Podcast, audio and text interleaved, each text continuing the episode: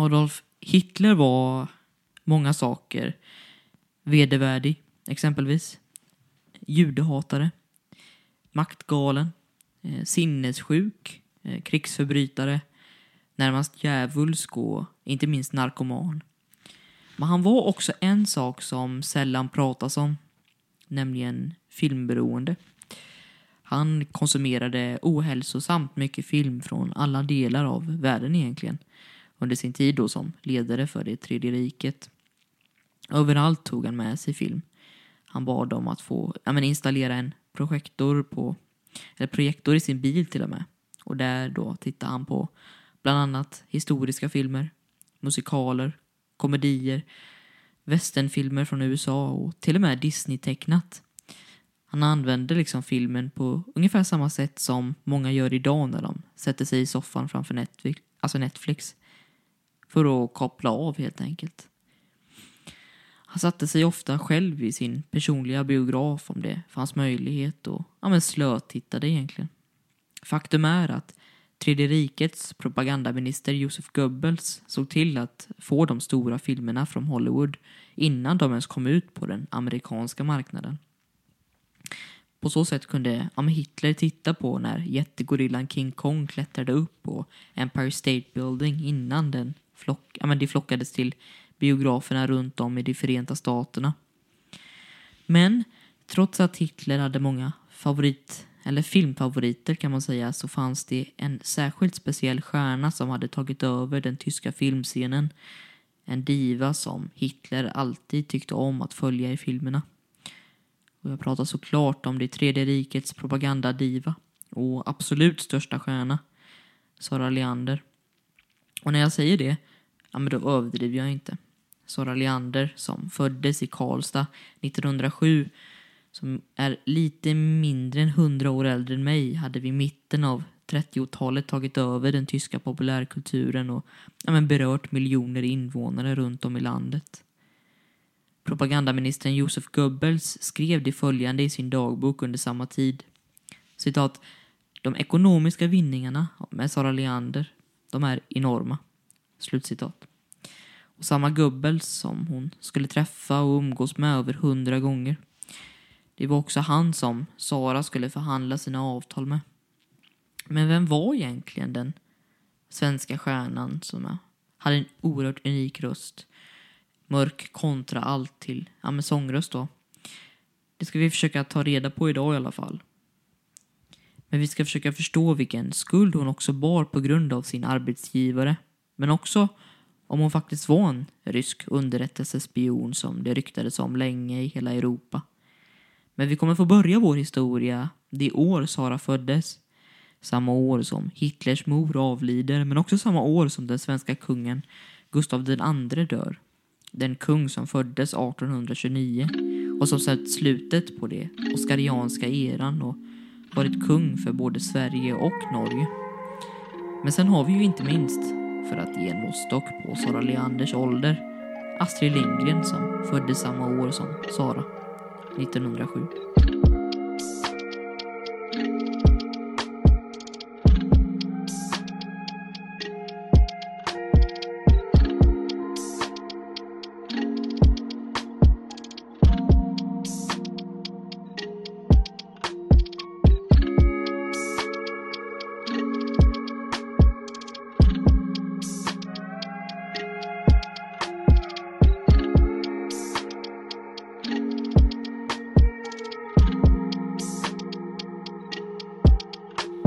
Vi sätter igång helt då så skulle jag vilja bara säga att vi är jätteglada, jag och Arvid, för alla som lyssnar varje vecka.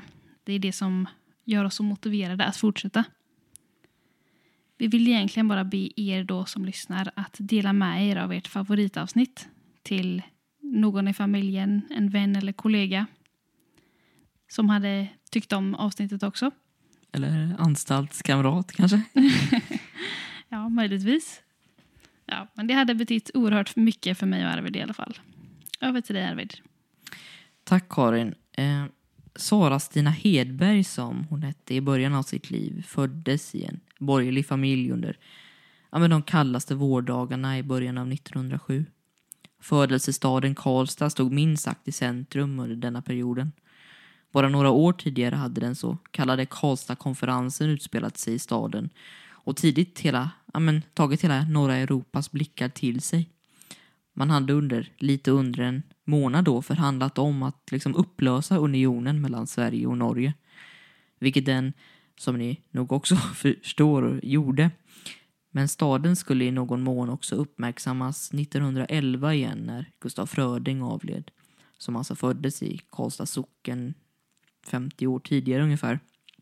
Saras familj, ja men den bestod i alla fall då av mor, far och två äldre bröder.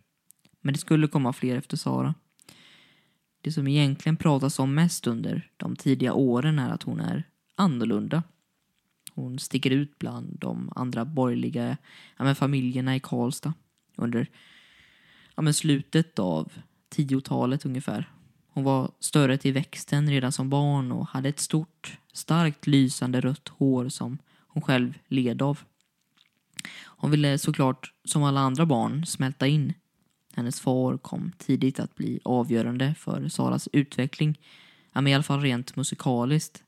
Saras finaste barndomsminnen var ja, men att få komma hem från skolan till hennes far, Anders då, som satt vid pianot, redo att öva musik med henne. Han agerade nästan som en, ja, men en lärare och tog men tidigt ansvar för att realisera Saras dröm som så tidigt hade uppstått. Han gav henne övningar som hon kunde, ja, men skulle öva på och repetera. Han var helt enkelt, eller det var generellt ett hem som både hade tid och resurser men också klimatet för att utöva sina kreativa sidor. Alla hennes syskon, ja, men i princip älskade att vara kreativa alla barnen kunde ibland samlas i ett rum i huset och ja, men låsa dörren för att spela teater tillsammans. Liksom. På samma sätt som hennes far Anders hade haft fina stunder på piano tillsammans med henne hade också modern ibland i hemlighet hämtat Sara från skolan eller ja, men pianolektionerna för att åka in till biografen i Karlstad för att se men, en film helt enkelt. Och film var en av moderns absoluta favoritsaker. Och Sara minns tydligt hur de delade intresset i hemlighet. Men allt var såklart inte idylliskt. Som jag nämnde tidigare led Sara verkligen av ett, ett ovanligt dåligt självförtroende. Förmodligen eftersom ingen runt omkring henne verkade säga emot henne när hon var missnöjd över en kroppsdel exempelvis. Hennes jämnåriga vänner sa exempelvis då också att en gång att de höll med om att hon inte ja, men, är så värst vacker. Men hon har faktiskt ett sminkansikte. Det går alltså att rädda med andra ord. En annan gång ska Sara suttit med sin far och viskat att hon ville bli dansös.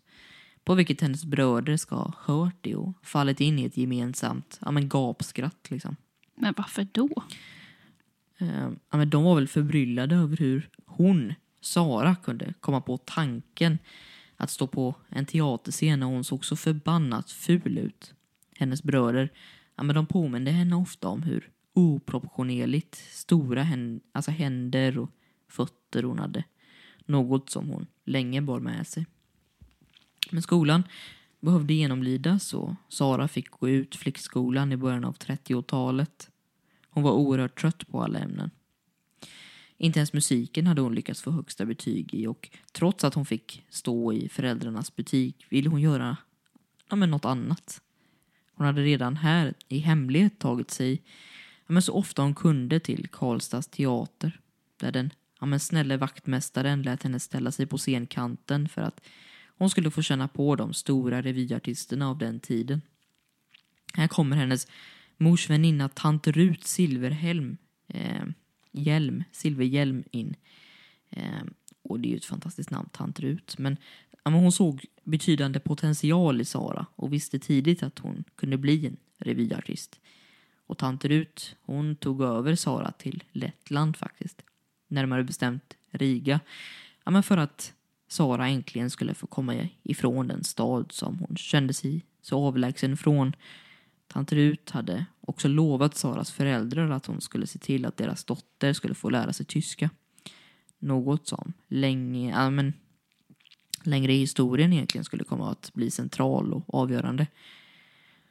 Det är en av anledningarna till att hon fick flytta dit, mitt i centrala Riga. Men tant Rut är nog en av hjältarna i denna historia, om man får använda sådana ord. Hon tog Sara under hennes vingar kan man säga. Hon uppmuntrade henne att sjunga vid deras piano och hon var övertygad över att hon skulle kunna arbeta med just det, att sjunga då. Och i stan blev Sara också tagen till alla möjliga teaterföreställningar och olika konserter. Men inte minst så släckte tant Rut tidigt de orosmål Sara hade ja, men gällande sin egen röst då.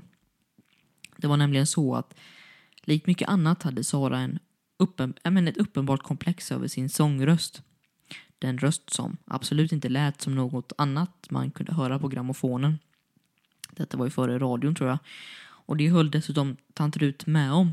Men hon förklarade istället för Sara att det inte var en nackdel utan tvärtom. Hon hade heller aldrig hört en äkta kontra allt förut. Det är tämligen ovanligt på en kvinna. Nästan obefintligt. Och den kontraalt som hon började utveckla vid sådär 15 års ålder men som växte och växte genom åren. Det som skulle göra henne så känd. Kontraalten är ju främst känd för ja, men diverse operaartister. Men det är det som den oftast förknippas med egentligen. I alla fall hos kvinnor. Det som gör den unik är enkelt förklarat ja, men dess mörka ton, mörkare klang som jag tror att ja, men jag tror att det är den mörkaste och djupaste möjliga röstläge hos kvinnor då. Man kan räkna på fingrarna de kvinnorna som har haft ja, med den stämman under musikhistorien. Och på engelska Wikipedia, ja, men där nämns Sara Leander som ja, men troligen den kändaste kvinnan med just den stämman. Men också diverse ja, men obskyra opera och musikalartister för, ja, men från hundra år sedan. Hur som helst så var det i alla fall inte vistelsen i Riga mer än ett par år, vad det verkar i alla fall. Hon återvände relativt nytänkande till sitt barndomshem i Karlstad. Fylld av ja, men livserfarenhet, men precis samma mål. Som jag sa, redan som sexåring hade hon övertygat sig själv att bli artist. Och denna vilja verkar aldrig ha försvunnit riktigt. För Saras del blev det ja, men ganska tydligt att hon nu skulle bli artist. Eller till och med skådespelerska. Och Eh, för att bli det var det enda rätta sättet att bosätta sig i huvudstaden egentligen. Men folk, och främst familj i hennes närhet, men de var inte lika övertygade om just det valet. I boken Se på mig, skriven av Beata Arnborg, som hjälpt mig väldigt mycket. Eh, en stor eloge till den boken som har varit en, men en viktig del som sagt i researcharbetet. Det förklarar Beata Arnborg i alla fall att Eh, familjen och allmänheten överlag såg på yrket skådespelerska annorlunda till vad vi kanske gör idag. Hon förtydligar att det inte var yrket i sig som var det ifrågasättbara utan det som följde med yrket. Alltså att vid ja 1920-talet ansåg många av skådespelerskor eller många ansåg att skådespelerskor verkade som sagt, jag tror hon sa lätta på foten och ja, men att de manliga kollegorna helt enkelt var kvinnojägare. Och jag vet inte om de har fel eller, men det kanske, förmodligen var det en fördom bara. Men när Sara eh, ändå trotsade eh, detta vid 19 års ålder gjorde hon det på ett ganska intressant sätt. För när hon var 19 år gammal så sökte hon in till kanske den mest ja, men prestigefyllda scenskolan i landet, nämligen Dramaten. Mycket inspirerad efter att ha sett Greta Garbos senaste film, Den glädjelösa gatan. Men oerfaren som hon var, var det uppenbart för att, eller uppgjort för att misslyckas. Sara hade självförtroendet, men valde en av de svåraste scenerna att framföra, ja men framför juryn då. Och, men hon fick ett tydligt nej. Hon valde att alldeles, ja men hon valde ett alldeles för svårt stycke att spela upp på sin audition. Även när hon sjöng upp för operan blev hon nekad av hennes blivande svärfar, tror det eller ej. Det visste ju ingen där såklart. Operachefen tyckte att hon skrek alldeles för högt i alla fall. Under samma period befann sig Astrid Lindgren i stan för att uppfylla sina ja, författardrömmar. Lika gammal som Sara dessutom då, som jag nämnde innan. Hon hade redan som 13-åring blivit publicerad i Vimmerby Tidning och men jobbat, jobbat sig uppåt under de senaste åren. Hon skulle snart få jobb på Kungliga Automobilklubben för att emellertid flytta till Köpenhamn. Men behövde först avsluta sin tjänst på Lindfors förlag, vilket såklart skulle lämna en tjänst öppen. Och detta jobb lyckades då Sara, efter en kort tids ekonomisk stress, att landa. Som ett stabilt jobb och boende i Stockholm kunde hon börja leta efter möjligheter att på något sätt ta sig in i musikvärlden. Men här, likt många andra unga kvinnors liv i denna tiden då, fick karriären vänta eftersom kärleken skulle svepa in i hennes liv snabbare än hon blev nekad på Dramaten ens. Kärleken hade minst sagt en koppling till Dramaten dessutom. Sara träffade en av ja, men skådespelarna eh, på teatern vid namn Nils Leander. En ung och lovande talang som för övrigt är född samma år som ja, men Dag Hammarskjöld eller också Greta Garbo vet jag. Jag vet inte om jag borde sluta namedroppa dessa namn men jag tycker ändå det på något sätt ge, gör dessa äldre människor enklare att sätta ut på en tidslinje. Men jag vet inte. Snabbt friade i alla fall Nils till Sara och under bara några år här i slutet av 20-talet då föddes hon. Hon födde alltså två barn då. Eh, de bosatte sig också utanför Stockholm.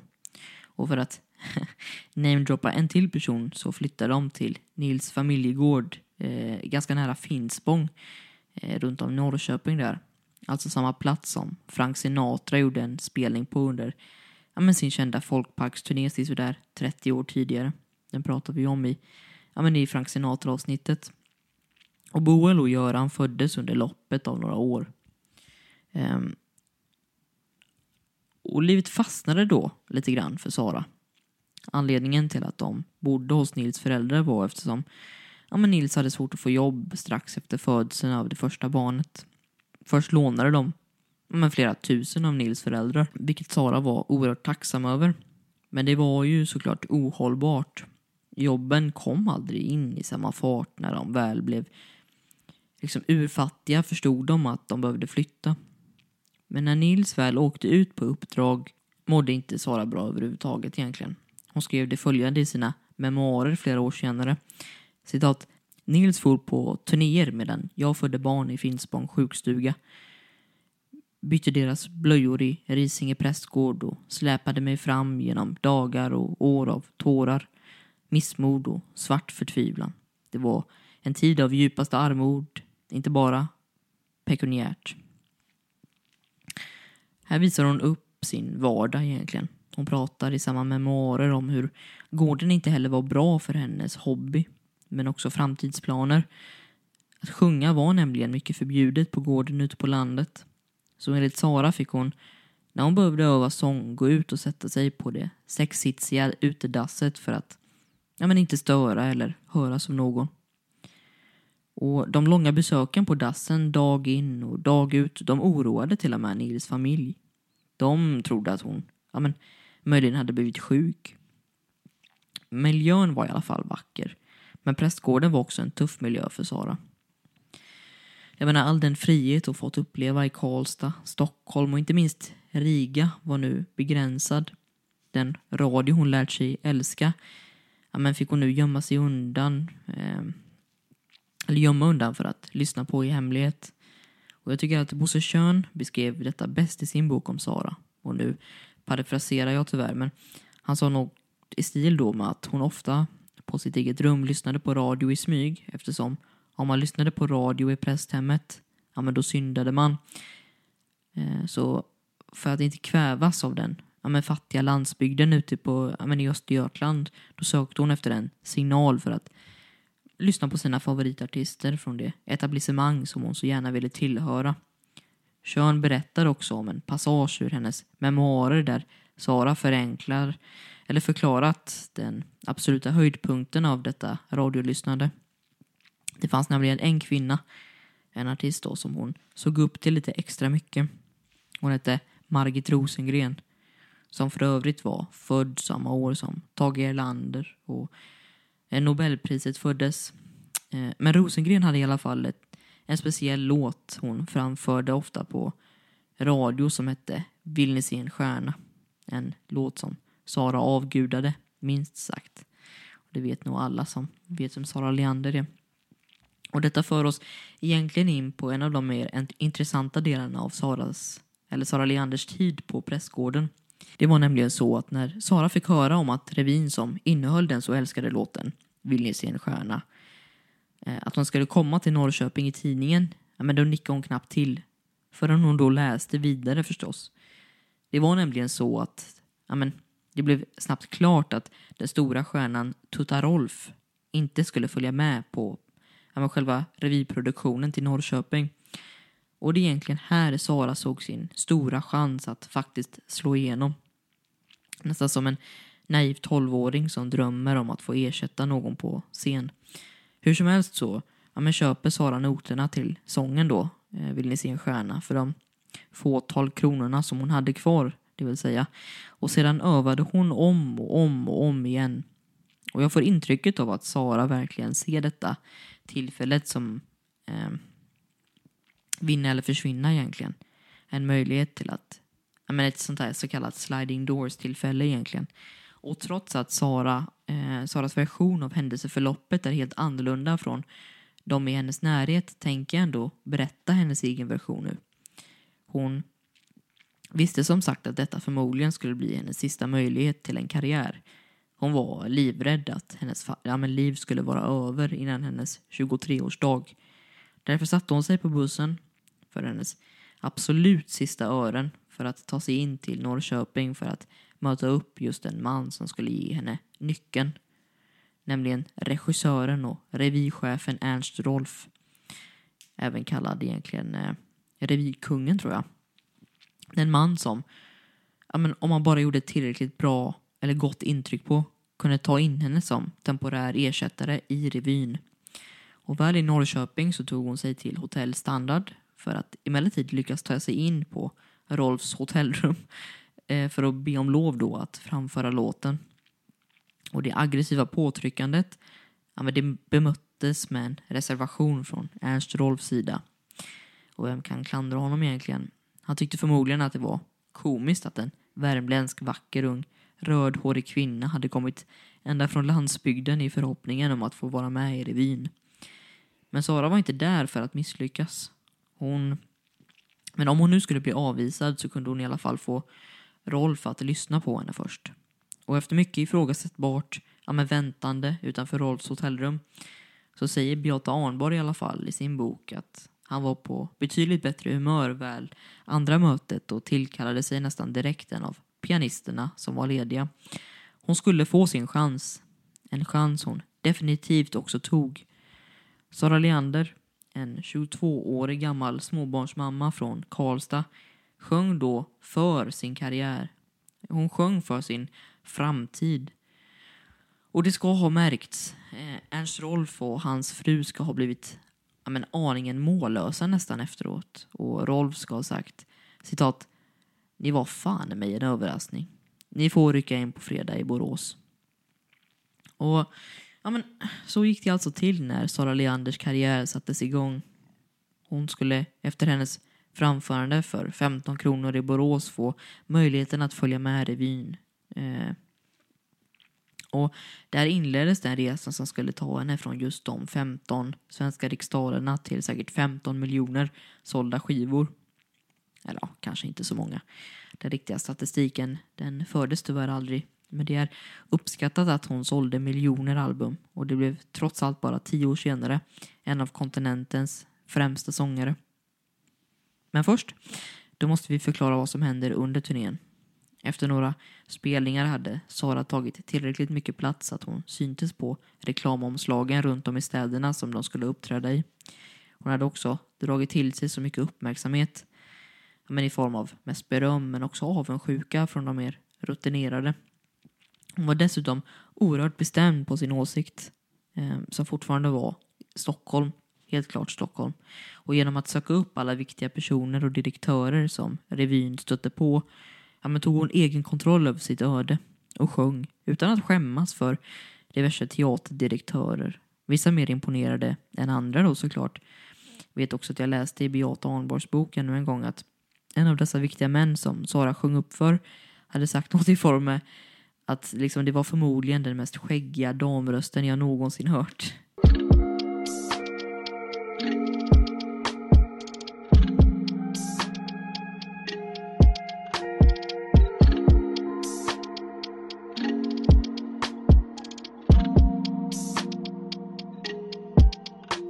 Vi kommer nu att korsa en alldeles fundamental gräns i både denna historien, eh, 1900-talet överlag, men inte minst, utan överdrift, mänsklighetens historia.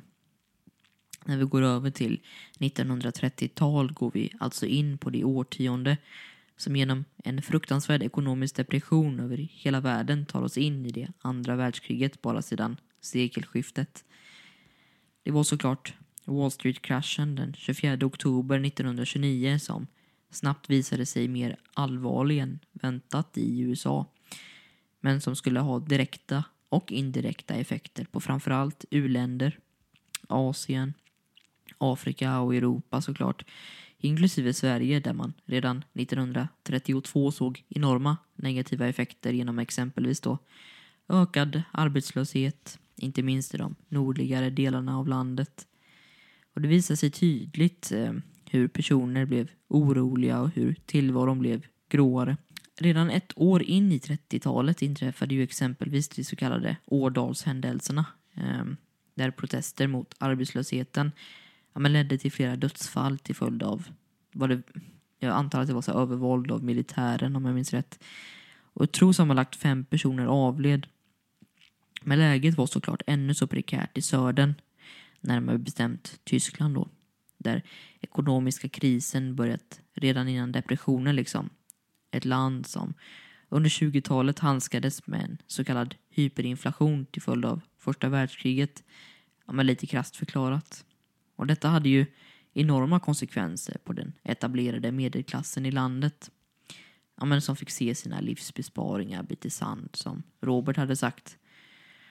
Och som ni kanske vet eh, gjorde ju den amerikanska Wall Street-kraschen 1929 att Amerika valde att återkalla lån som hade getts till Tyskland då, eller lånats ut. Vilket såklart hade konsekvenser redan 1931 när den största österrikiska banken kraschade. Och nästa stora misstag eh, gjort av ledningen i Tyskland skulle visa sig mer förödande än något annat.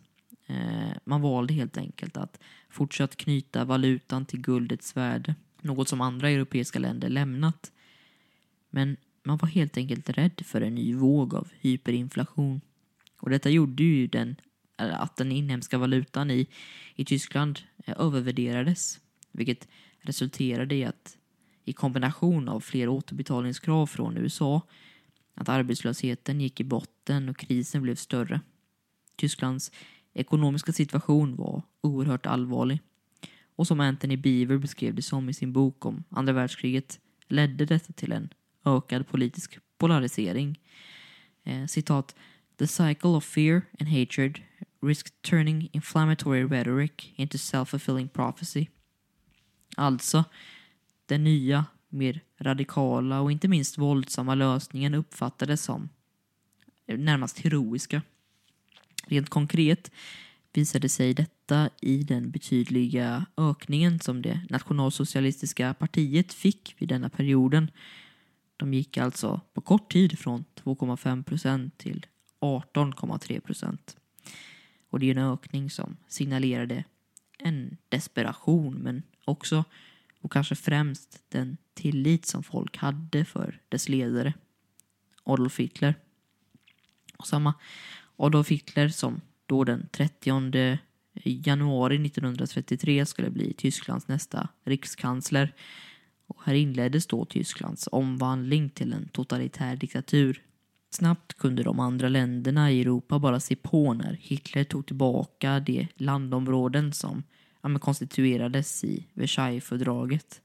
Och snart, för stora delar av den tyska befolkningen, verkade ännu en gång, som Beaver skriver, diktaturen och våldet ett lågt pris att betala för att få tillbaka sina arbeten och ge mat till sina barn.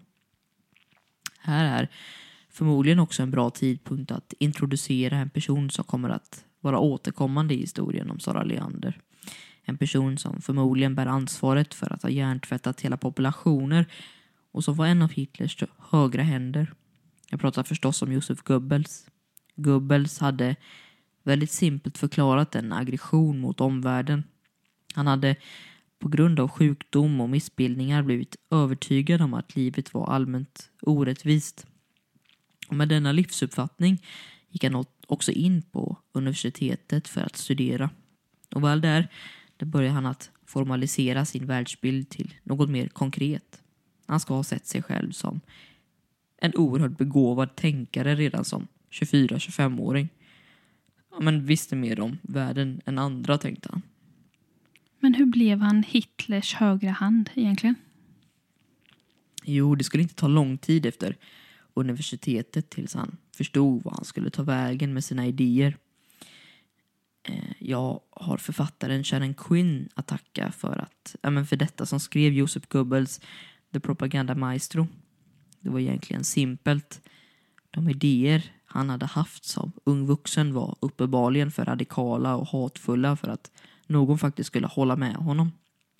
Men sen blev året 1924 och som jag förklarade förut blev stora delar av tyska folket mer öppna för radikala idéer och i takt med hyperinflationen och när väl det nationalsocialistiska partiet kom med att bli stort och omskrivet i landet då förstod Goebbels att det var just där han skulle vara. På samma sätt tog det inte heller lång tid för partiet att förstå att ja, men, det var Goebbels de skulle ha. Efter att ha läst och tyckt om det han skrivit kunde de se det skickliga språket och argumentationen. Det blev tämligen uppenbart att han skulle passa som ja, men kärnan i den propaganda partiet alltså bedrev. Och deras föraning ja, men den bekräftades kort efter det när han men när hans medverkan visade sig dra in fler väljare och medlemmar än någonsin förut. Och om vi placerar tidslinjerna parallellt och går till den 3, äh, 30 januari 1933 igen, när Hitler blir invald, så är det till stor del på grund av Goebbels arbete, vilket också resulterar i en gentjänst av Hitler. Hitler utser alltså Goebbels till landets propagandaminister. Vi ska återkomma till detta senare men det kan vara viktigt att förstå vart vi är på tidslinjen.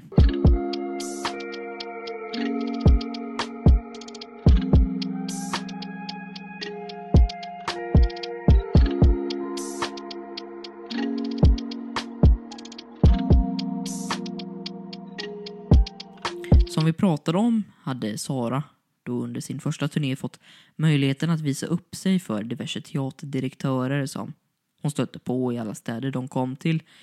Men blandade resultat då, kan man säga. Men publiken gav trots allt ett samlat, ja, samlat och unisont jubel när hon äntrade scenerna runt om i Sverige. Sara var möjligen inte stjärna än, men när hon sjöng frågade hon publiken om de ville se en stjärna. Hennes stjärnakt är det såklart jag talar om. Den låt hon haft som audition för Ernst Rolf och som hon hört på radion. De, ja, men den fick hon uppträda med kväll efter kväll nu. Och nu har hon alltså bevisat sig, eh, eller för sig själv egentligen, att hon klarar av att uppträda. Så med vind i seglen och självförtroendet kommer hon nu att försöka sig på ännu en omgång med Stockholms stad. Men nu oerhört mer, ja, men mer vältränad men matchen kunde inte börja innan hon avslutat det förhållande hon har blivit så olycklig av. Så hon lämnar helt enkelt in själv, själv, skilsmässopappren till Nils och väljer att ta med sig sina två barn när hon ja, men tar sitt pick och pack och flyttar till Stockholm. Och detta alltså bedömer jag som ett oerhört risktagande. För vad jag förstår hade hon inte då i alla fall en stabil inkomst eller ens lovat arbete i Stockholm. Men hon flyttade helt enkelt i förhoppningen om att få jobb på en, ja, men en scen i Stockholm. Och om jag inte minns fel så är det väl exakt det som händer? Ja, du minns helt rätt Karin.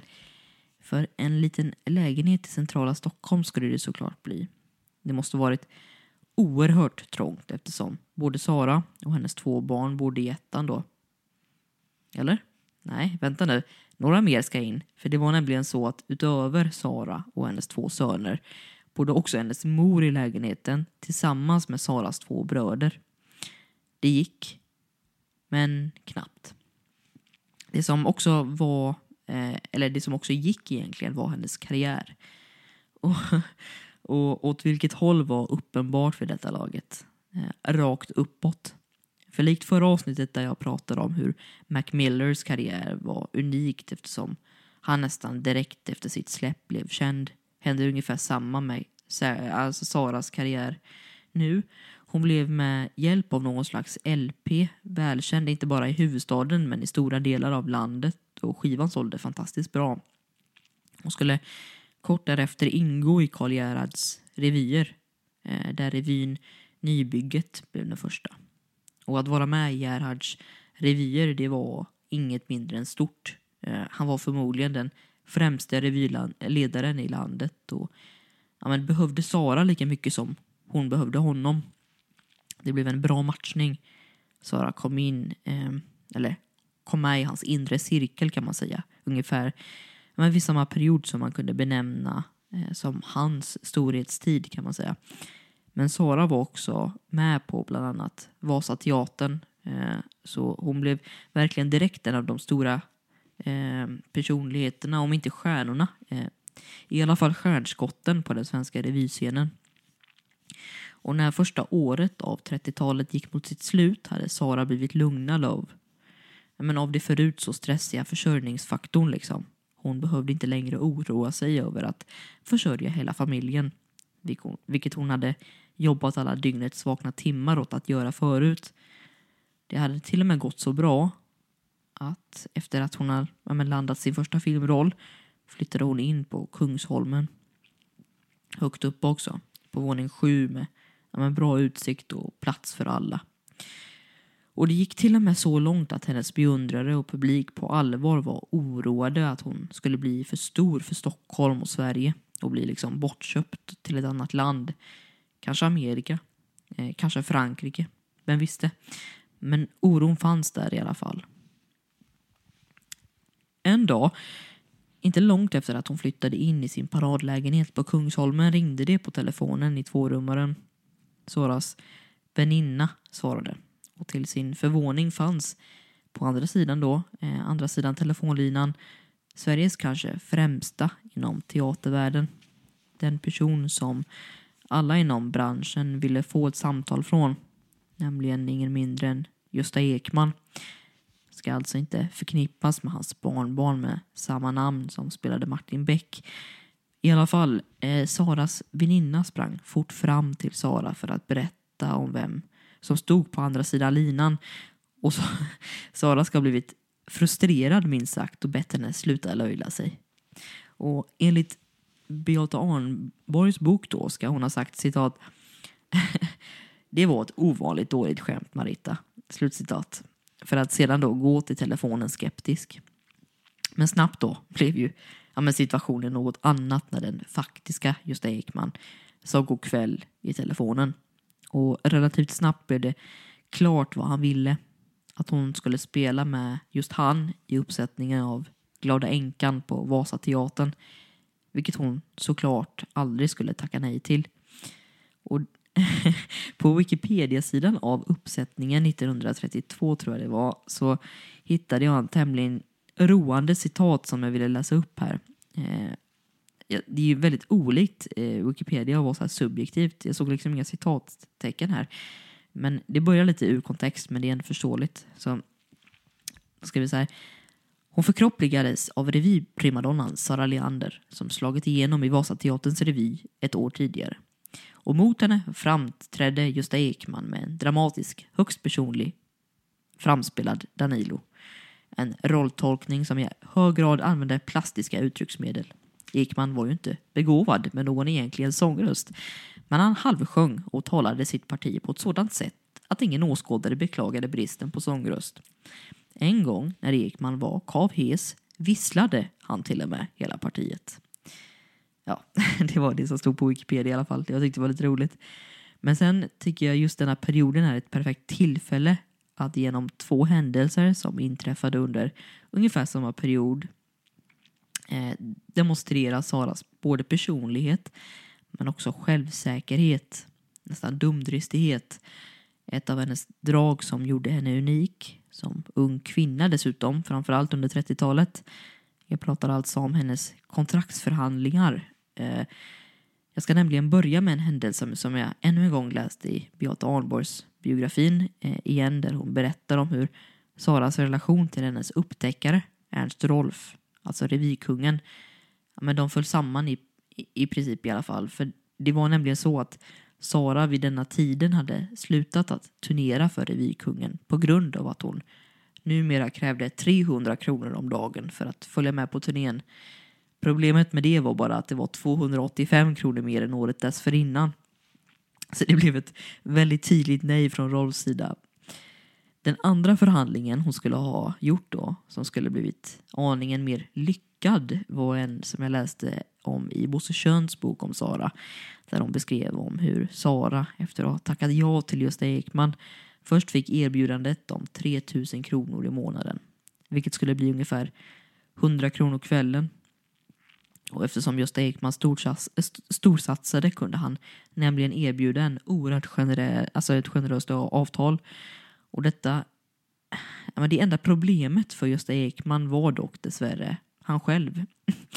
För att eftersom Sara hade, inte långt före detta erbjudandet, läst en intervju i tidningen med Ekman där han själv berättade just att men alla, alla de viktiga detaljerna om hur man förhandlade vid exakt ett just sånt här tillfälle. Så Sara mindes tydligt att Ekman sagt i intervjun ordagrant att man, om man hamnar i just detta scenariot skulle man som skådespelare be om dubbelt betalt. Och därför sa Sara tydligt att hon skulle ha 6 000 kronor. Och inte ett öre mindre än det. Och här verkar det ändå som att Ekman ska ha sett på Sara som någon, ja men, med någon skräckblandad förtjusning liksom. Men Kön beskriver det som att han behövde ta ett glas sherry och ta ett prat med sin fru liksom. Men du har ju ändå redan sagt att hon fick rollen. Så, eh, så ja, jag förmodar att han sa ja till ja, dubbla priset. Såklart. Eh, han berömde Sara för repliken och belönade hennes ja, men våghalsighet med precis vad hon begärde. 6 000 kronor i månaden. Och detta är inte några officiella siffror, men justerat till inflation har jag baserat på procentökningen på sådär 2000 procent fått det till ungefär 150 000 kronor i dagens värde. Vilket inte är en dålig månadslön, speciellt eftersom det var mitt i depressionen. Så, ja. Och jag förmodar också att den glada änkan också blev en succé. Definitivt, men den enskilda pjäsen är inte det viktigaste i detta sammanhanget. Utan det egentliga stora är alltså att ta med sig är det faktum att inte så långt efter detta ja, men då slår Sara också igenom som filmstjärna. Hennes status var nu eleverad och hennes kändisskap bland de främsta i landet. I takt med ja, men detta mådde också Sara oerhört bra personligen. Äntligen kan man säga. Bosse Schön beskriver igen i boken Sanningen om Sara Leander att hon sällan somnade före soluppgången och att hon under de första stora åren av 30-talet turnerade genom Skandinavien med 12 revyer, spelade in 41 skivor och ja, ni hörde rätt, 41 stycken. Och sedan medverkade hon också i tre långfilmer. En av mina favoritanekdoter från denna perioden är den som kanske visar Saras storhet mest, men inte minst beundrares kärlek till henne eh, är den som utspelar sig i skärgården egentligen. Det fanns under 30-talet i Stockholm, för er som inte vet, eh, en man som hette Torsten Kreuger. Eh, en man som främst var tidningsägare och en framgångsrik affärsman och kanske inte minst känd för att vara bror till tändstickskungen. Han då, likt Sara, älskade att festa och var uppe som jag sa innan eh, till efter att solen gått upp egentligen på morgonen igen. Hon bjöd många gånger, eller han bjöd många gånger också med sig Sara ut på Värmdö då, Stockholms skärgård, där han bodde främst på somrarna. Det var väl hans liksom, eh, semesterresidens som jag förstår det. Och där älskade han att bada i alla fall. Och därför valde han att bjuda ut Sara på bryggan för att ta ett bad helt enkelt. Men Sara vägrade. Och det blev ganska snart tydligt varför. Det var nämligen så att den nu stora stjärnan Sara Leander absolut inte badade på något annat än fulländade strandstränder. De fick helt enkelt gå tillbaka in och dricka för att emellertid somna till i, må alltså i morgonstrålarna. Dock, när Sara väcktes några timmar senare på förmiddagen därpå, då bad Kreuger henne att följa med honom ut. Nu är den klar, ska han ha sagt. Och framför sig kunde Sara se en sandstrand som absolut inte var där där hon hade lagt sig. Hon var nu tvungen att bada. Och Kreuger hade alltså på bara några timmar lyckats beställa mängder av sand från Sandhamn för att sedan få allt på plats innan primadonnan vaknade. Ett tämligen dyrt projekt, men han kanske förutspådde att vi skulle prata om det i en podcast ungefär hundra år senare.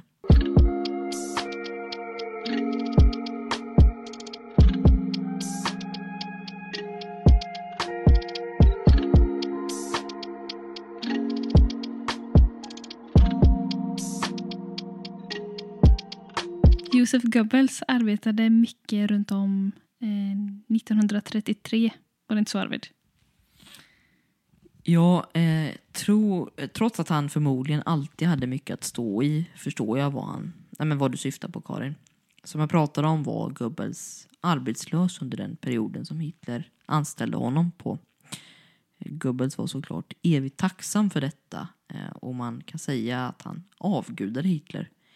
Likt Hitler också var också Goebbels en enorm filmperson. Han älskade filmer och visste hur mycket filmer kunde påverka och inte minst bredda världsbilden hos publiken som konsumerade den.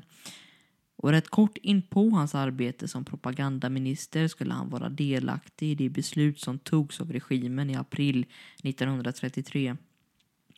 Från och med nu i det tredje riket då skulle all film som produceras vara skapad av tyskar. Den fick också inte innehålla människor med utländsk bakgrund, men inte minst och såklart underförstått absolut inte innehålla en enda jude. Månaden efter detta beslut kom ett annat, ännu så viktigt beslut från ledningen. Man skulle nu börja att massbränna böcker. Böcker som stred mot naziregimens ja, men intressen. Freud bland annat, men kanske mest känd och inte minst allt då som Karl Marx någonsin gett ut. Här finner jag också en poäng gjord ännu en gång i manuset till videon om Goebbels skriven av Shannon Quinn där författaren då påstår att trots att bränningen av exempelvis Marx helt var liksom logiskt ur ett naziperspektiv var vissa andra böcker något mer förvirrade. Eller förvirrande. Eh, populära böcker som till synes inte hade något kontroversiellt i sig. Men här är då poängen att Goebbels med sin nya makt istället för att bränna endast saker som var fördelaktiga för riket också brände böcker som han såg var, om inte hans konkurrenter, i alla fall tillräckligt stora för att han skulle bli avundsjuk. Så med makten hade han chansen att stoppa dem. Ja, men blir det förvirrande? Kanske, men jag vill illustrera den fullständiga galenskap som just propagandaministern håller på med under samma år som Sara Leander är i Berlin för första gången. I och för sig privat resa, men snart kommer deras världar att kollideras och sammanflätas. Och det kan vara bra att få ett perspektiv kan man säga. Eh, I alla fall på grund av att både hans men också hans förebild och chef Hitlers förkärlek till film då valde Goebbels att inte bara radera opassande filmer utan också ta filmindustrin i egna händer och också skapa den film som han ansåg skulle vara perfekt för det tredje riket. Han vill industrialisera den inhemska filmskapandet genom att, ja men ett formula som skulle förmedla ett tydligt budskap. Det skulle absolut inte vara för tydligt, men det skulle sannoliken förmedla en känsla av den situationstecken ariska rasens överlägsnad om ni fattar. Hur bar han sig åt då? Eh, ja, men först behövde han ju ha någonstans att skapa filmerna såklart. Och eftersom Goebbels egentligen fick fria tyglar att ta över men också göra nästan vad han ville för att nå sina mål siktade han in sig på den studio som så länge hade varit viktig i europeisk filmindustri, nämligen Universum Filmaktiengesellschaft, eller förkortat UFA som den ofta kallas då. Samma studio som under årtionden varit ja, men respekterad i Tyskland, men också till och med utanför Europas gränser. Personerna som arbetade i studion, eller ledde den, kunde bara se på när Goebbels tog över organisationen för att direkt be om att få avskeda alla som hade ju, alltså judisk koppling. Vägrade han att avlasta sina judiska anställda. Då blev man ja, men, själv avskedad och svartlistad. Sharon Quinn skriver att de flesta av skådespelarna men valde att gå, men många som blev avskedade valde sorgligt nog att avsluta sina egna liv. De hade i princip tappat sin inkomst. Publika persona och förmodligen såg de ja, självmord som det mindre utdragna valet eh, av eventuell död då. Goebbels set out to create German versions of some of the big blockbuster hits in America. He also created movies where the only goal was to brainwash people into believing Nazi ideals. Some of them were clearly propaganda, like one called Hitler Youth Quacks, but other films were cleverly disguised, subtly changing the opinions of Germans to suit the needs of the Nazis. For example, the 1941 movie I Accuse was orchestrated to get the general population to agree with the Actian T4 program, which pushed for the euthanization of disabled and terminally ill people. The plot of I Accuse is about a doctor at the peak of his career. He gets married to a beautiful young woman only to find out that she has been diagnosed with MS. Back then, the treatment for MS was nothing like it is today, and there's no cure for the disease. This means that the wife was dying a very slow and painful death. She begged for him to give her a lethal injection so she could be put out of her misery. He struggled with the decision, but ultimately assisted in her suicide. Much of the movie takes place in a court of law where they are trying to decide if this man should be guilty of murder or if he was doing her a favor by killing her. Despite being a propaganda film, it's actually very well written. Even today, anyone who watches the film may find themselves questioning their own morals, which is why it was considered to be one of the most dangerous propaganda films ever made. Detta var liksom Goebbels specialitet. Det som Simon Whistler säger i klippet. Han var oerhört bra på att de som till och med visste att det var propaganda blev osäkra och emellertid började att ifrågasätta sig själva och deras egen moral. Denna filmen var också bara ett exempel av oerhört många liknande filmer som började att fasas ut ur en filmstudio som nu hade blivit ja, men naziregimens, men inte minst Josef Goebbels propagandamaskin vars största stjärna och högst betalda skådespelerska fortfarande stod på scener i Sverige och sjöng nazikritiska operetter. Hemma i Sverige hade inte bara Sara fått ett genomslag utan också, tyvärr då, två ideologier som snabbt blev påtagliga i alla delar av samhället och vittnade själv om hur hon vid åren innan kriget kunde se det nazistiska fackeltågen i Stockholm med jämna mellanrum samt de stora och likaså otäckade hakorsflaggorna ovanpå Folkets hus. Dessutom då Sovjets inflytande som hade lockat in stora delar av underhållnings, eller i alla fall kulturvärlden i kommunismen. En tid man som privatperson utan tvekan kände av de mörka vindarna som blåste från alla värdetecken. Man kände också på sig de uppröstningar och förberedelserna på konflikt på kont ja, kontinenten. Samtidigt, cirka 1936, hade Sara tagit över, inte bara Sverige, utan också ja, men, turnerat runt i revyer runt om i Skandinavien och inte minst Norge och Danmark. Det hade till och med blivit så lyckat att hon ungefär vid början av året 1936 hade känt som att hon hade behärskat konstformen lite grann. Sara hade varit överallt flertalet gånger. Hon hade stått på de största scenerna och eftersom hon tjänade många tusen i månaden kunde hon också betraktas som en av de bäst betalda. Och vad skulle komma härnäst? Vad kunde Sara göra för att inte bara utvecklas men också stimuleras? Och inte minst då, ja, men klättra karriärsmässigt. Ännu en gång har jag skrivit ner ett citat ur Beata eh, Arnborgs bok där Sara förklarar mättnaden på de svenska revyscenerna. Citat. Efter sju år började den smaka som kaffet man sjunde gången kokar på sumpen. Och jag grät. Slutcitat. Hon fortsatte lite in på 1936 med att turnera och göra konserter i Sverige och Danmark men hon hade också gjort sig ovänner med många i industrin som hon förut varit nära. Det behövdes alltså ändras på något helt enkelt. Och det ganska snabbt. Men sedan kom just det här samtalet, eller hur? Precis, om vi nu ska hoppa dit. Riktnummer plus 43 hade stått på telefonen om året var 2024. Men det var helt enkelt ett erbjudande som kom till Sara. Hon hade åkt ner till Köpenhamn för att gästspela i revyn som hette Nordens Venedig. Och om jag minns rätt så är huvudlåten där skriven just för Saras sångröst av Karl Gerhard. Då, ja men, det ska då ha varit när Sara berättade för Gerhard att hon älskade att sjunga vackra ord. Som exempelvis, ja vad ska man säga, gondol. Och då skrev han en låt som hette just Jag vill ha en gondol och som fortsatte då Ut i Nordens Venedig. Men telefonsamtalet, Arvid. Ja, just det. Tack Karin. Eh, jo, det var just där i Köpenhamn som hon tog emot ett samtal från en man som hette Max Hansen. En tysk-dansk skådespelare som skulle få en av två huvudroller i en tysk uppsättning i Wien.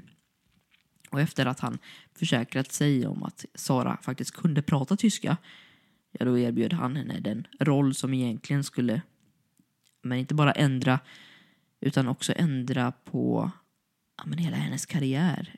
Den andra huvudrollen då i en uppsättning av Axel i sjunde himlen. Och för 50 kronor om dagen skulle hon stå som okänd revyartist nere i Österrike och spela tillsammans med då världskända skådespelare och kompositörer. Och detta steget är förmodligen likgiltigt med Veronica Maggio. Ja, men om Veronica Maggio skulle ta sig över Atlanten och börja skriva låtar med Max Martin liksom. Nej, kanske till och med större, jag vet inte. Men Sara flyttade temporärt ner till Wien i alla fall trots allt. Kanske, ja, men det var kanske inte så att hon ökade sin levnadsstandard något märkbart liksom. Hon berättar själv om hur hon levde på skinksmörgåsar, varm choklad och liksom så här billigt vin. Det låter som en dröm, tycker jag. Gör det det? Ja, men kulturkrockarna i Wien verkar ha varit stora i alla fall. Det visade sig snabbt att teatern och dess diverse ja, men repetitioner och företeelser var olikt den nordiska. Bara det var ett hinder liksom. Men förmodligen var språket ett större hinder. Visst, alltså Sara hade lärt sig hyfsad tyska. I Riga i alla fall under sina unga år. Och trots att hon inte hade svårigheter att ta sig runt och konversera visade det sig att spela teater och sköta repliker på ett främmande språk inte var lika lätt som det kanske verkade till en början. Men väl när ja, men premiären var avklarad fanns inga av orosmolnen kvar. Sara blev oerhört hyllad för sin insats. Men också hennes utseende, utstrålning och ja, men generella alltså, exotiska person. Saras ja, men röda hår, eh, långa ben och inte minst sångröst ja, men sågs på som något, enligt vissa till och med, ja, men grekiskt. Alltså som en typ alltså grekisk gudin, gudinna. Och från och med denna perioden gick det ganska snabbt. Um, på samma föreställning skulle alltså men, ses av över 200 000 personer. Dessutom då skulle också få många anbud från de ja, högst uppsatta teatercheferna i Österrike. De hade aldrig sett något liknande ja, men sedan Greta Garbo, om ens det. Och nu stod hon egentligen framför ett val, ett helt avgörande karriärs men också livsval. Medan Sara uppenbart ville flytta utomlands för att stärka karriären behövde också valet vara relativt nära familjen. Hon hade vid denna tiden också börjat få intressen från allt från ja, men, Storbritannien, England till, ja, men, till Hollywood. Men om det skulle vara något, ja, men, då behövde det vara tillräckligt, ja, men, tillräckligt nära för att hon skulle kunna ta nattåget hem till exempel. Eh, man flög ju inte så mycket, men att kunna ta nattåget hem till sina barn, eh, det var väldigt viktigt för henne. Och det är också här i berättelsen jag utnyttjar det faktum att jag är min egna redaktör kan man säga. För till skillnad från de böckerna som har skrivits, eller avhandlingarna eller diverse tidningsartiklar, så är det ju så faktiskt att ja, men, de mesta arbetar ju någorlunda journalistiskt. Jag försöker göra det, men de har ju en redaktör att förhålla sig till. De kan inte spekulera, jo de kan spekulera men inte anta något som inte är fastslaget utan att verkligen framhäva det. Och för de flesta tryckta texter jag läst gällande Sara från och med nu i hennes liv då och framåt gör alla ungefär samma sak. De tar det faktum att Sara själv hävdade att hon var totalt ja, politiskt ointresserad och okunnig då. Sedan förklarar de för läsaren tydligt att vi aldrig vet hur mycket Sara visste. Nej, nej, nej. Ja, ni fattar. Men faktum är att vi vet att Sara var en intelligent och världskunnig person. Hon reste runt om i världen redan innan 1936 och hon var sannoliken medveten om upptrappningen i Europa. I det land som hon vid denna tiden är verksam i, alltså Österrike, där är ju folket skakade av den nyligen misslyckade statskuppen från nazipartiet för att ta över landet. Och dessutom då den enorma oro som ja, men judarna levde under, eh, även utanför Tysklands gränser. Jag menar absolut inte att hon håller med eller delar den vidriga ideologi som tyskarna hade och agerade under. Men hon var helt och hållet medveten om den alltså ideologin och vad det verkar från och med nu helt enkelt ignorant och medskyldig till propagandan som hjälpte den mörka vågen i Europa. Hon var i någon grad det tysta vittnet, den passiva mobbaren som stod där och tittade på när Hitler, i detta fallet då, doppade offret i den sunkiga skoltoaletten. Och det är lite här som jag kommer lämna er inför nästa avsnitt, nästa veckas avsnitt. Snart kommer Saras liv förändras. Hon kommer att bli kontaktad av UFA. Det bolag som vid, denna, ja, vid detta laget i allra högsta grad styrs av Josef Goebbels. Sara Leander är bara några år från att vara Nazitysklands ja, men absolut största filmstjärna. Och häng gärna med då, eh, så hoppas att vi syns nästa vecka där, jag, där vi verkligen kommer prata om när hon träffade Hitler, träffade Goebbels flera gånger och kanske till och med några roliga anekdoter om hennes hushållerska som följde med på turné. Ja, vi hörs nästa vecka.